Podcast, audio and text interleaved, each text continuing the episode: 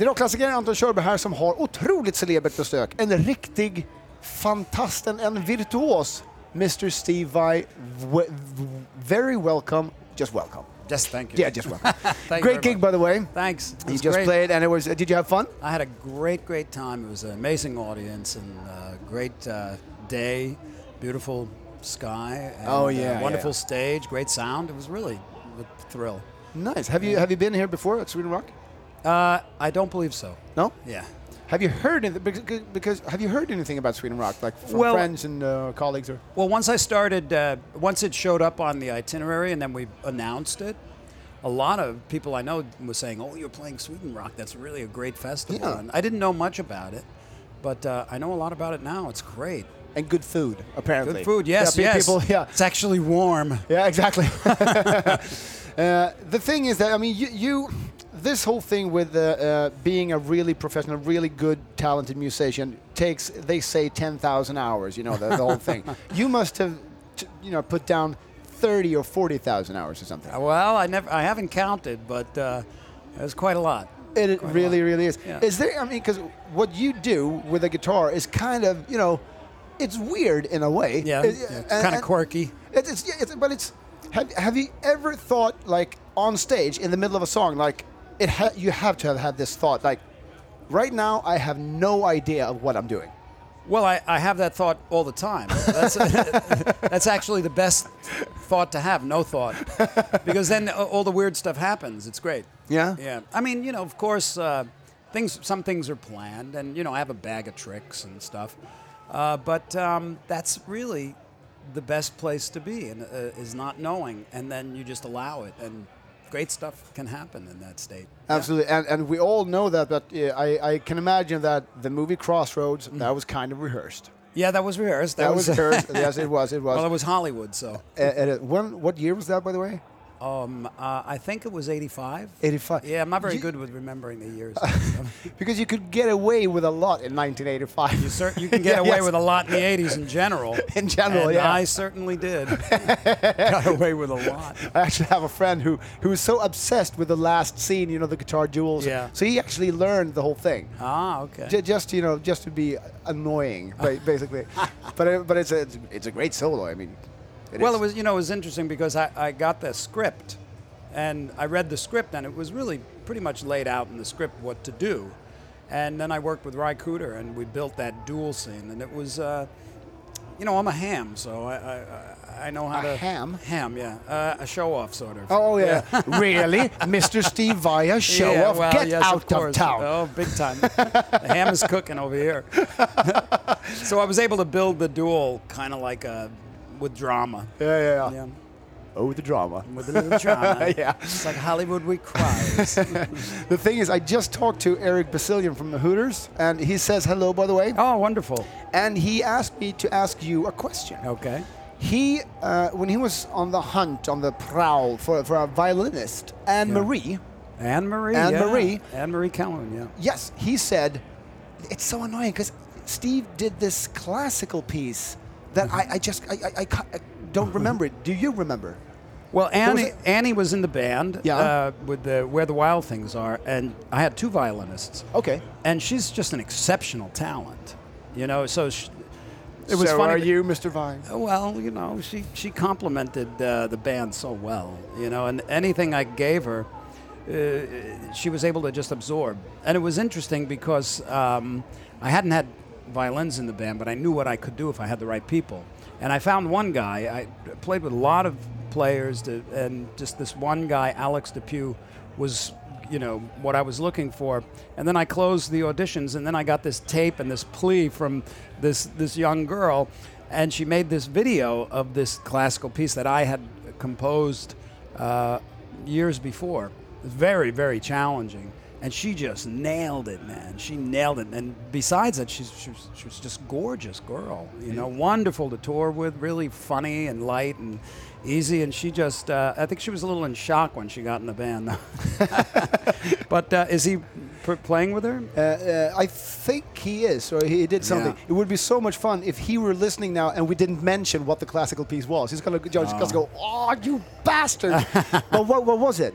Well, it was a piece. uh, If if it's the same piece we're talking about, it was. Probably- Uh, I had composed the symphony for uh, the uh, Metropole Orchestra in Holland years Okay. ago, and it has this really very challenging um, violin cadenza. This part, and that they ended up using it as an audition for the first chair. Oh, in really? The orchestra, yeah, and that was the piece that I sent out to violinists, and Annie just nailed it. It's very difficult, but she just Uh, What was the name of the piece? it's called Shadows. Shadows. Shadows. Do And, well, you hear shadows that, and Eric? sparks. Yeah. Shadows. shadows. Shadows. and sparks. Yeah. If that's the piece, I'm not sure. It, it probably is. Probably is. Uh, so I mean, uh, have you been to Sweden much? Oh yeah. Quite yeah. My my wife's uh, mother is Swedish. Oh, really? Yeah, she w- was born in Sweden and was raised in Sweden, and she came to America. So uh, my kids are Swedish, but ha- you know they're, they're part Swedish, and uh, we absorbed a lot of. Sw- oh, oops, sorry about that. No, no, I'm just- just r- ruining his desk here.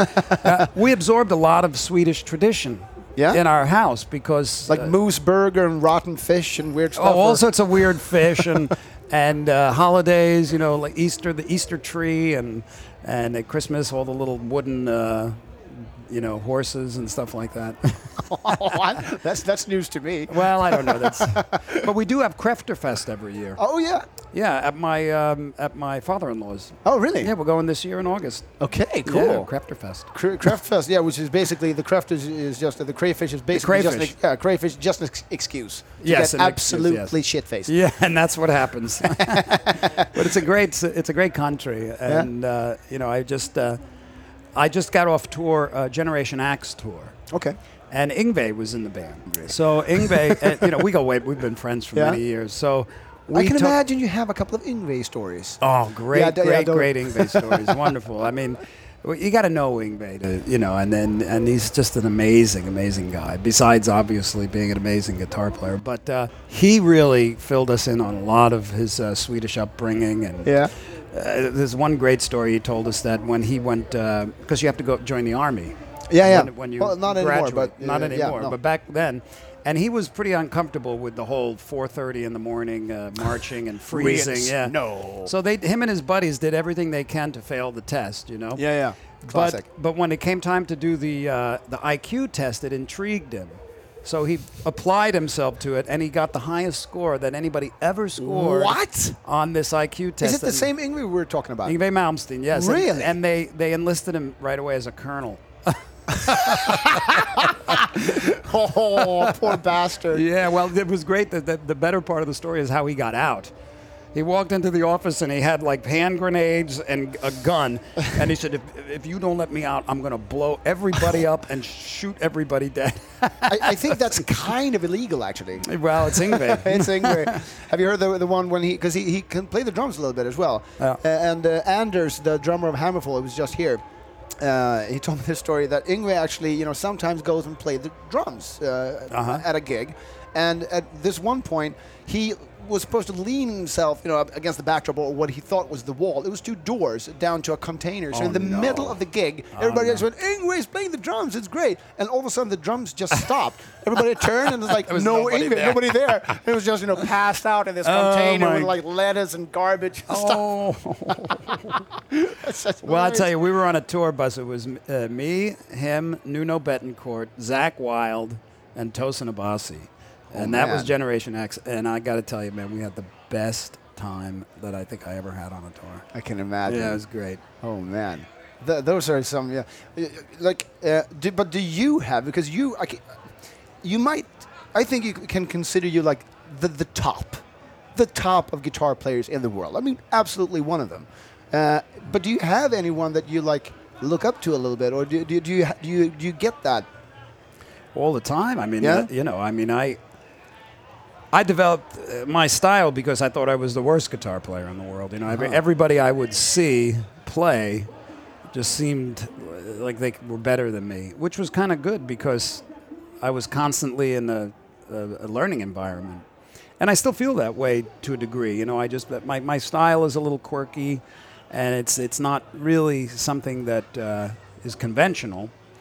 But um, there are some astounding guitar players that I've followed. I think one of my uh, the most fascinating guitar player for me is Alan Holdsworth. Okay. He's just a freak. you know. Yeah, but Nuno Betancourt is also kind of a freak. Oh my God, they're all the, all the On guys. a 12 string solo on a 12 string guitar is like and fa- he did an acoustic set that would just b- blow you away, man. All those guys, Tosin and and Ingve, of course. I mean, I watch Ingve every night and just fascination. And and Zach, he's a beast, man. Oh, he's yeah, just a total definitely. beast, you know. So you know when you when you love the instrument, all sorts of uh, great things can happen. Yeah. if you focus on it. yeah. can we see like any uh, Generation X or something in the near future in Sweden? I certainly hope so. You know, where we we did we, we tested it out in the states, and we all really enjoyed it, and we thought we want to do more. So it, the the challenge is, is because everybody's got these crazy schedules. Yeah, yeah. You know, you gotta Yeah, you gotta come like on, book yeah. it a year in advance. You know. Exactly. So we're looking at some stuff now, possibly. Cool. Yeah, I'm looking forward to that. Me too. Yeah, man. Steve Vine, All right. thank you so much for taking the time. Thank Great you. gig. Look Thank forward to you. seeing you guys soon. All right, right on. Rockklassiker. Klassiker. Ett poddtips från Podplay. I fallen jag aldrig glömmer djupdyker Hasse Aro i arbetet bakom några av Sveriges mest uppseendeväckande brottsutredningar. Går vi in med hemlig telefonavlyssning och, och då upplever vi att vi får en total förändring av hans beteende. Vad är det som händer nu? Vem är det som läcker? Och så säger han att jag är kriminell, jag har varit kriminell i hela mitt liv men att mörda ett barn, där går min gräns. Nya säsongen av Fallen jag aldrig glömmer på Podplay.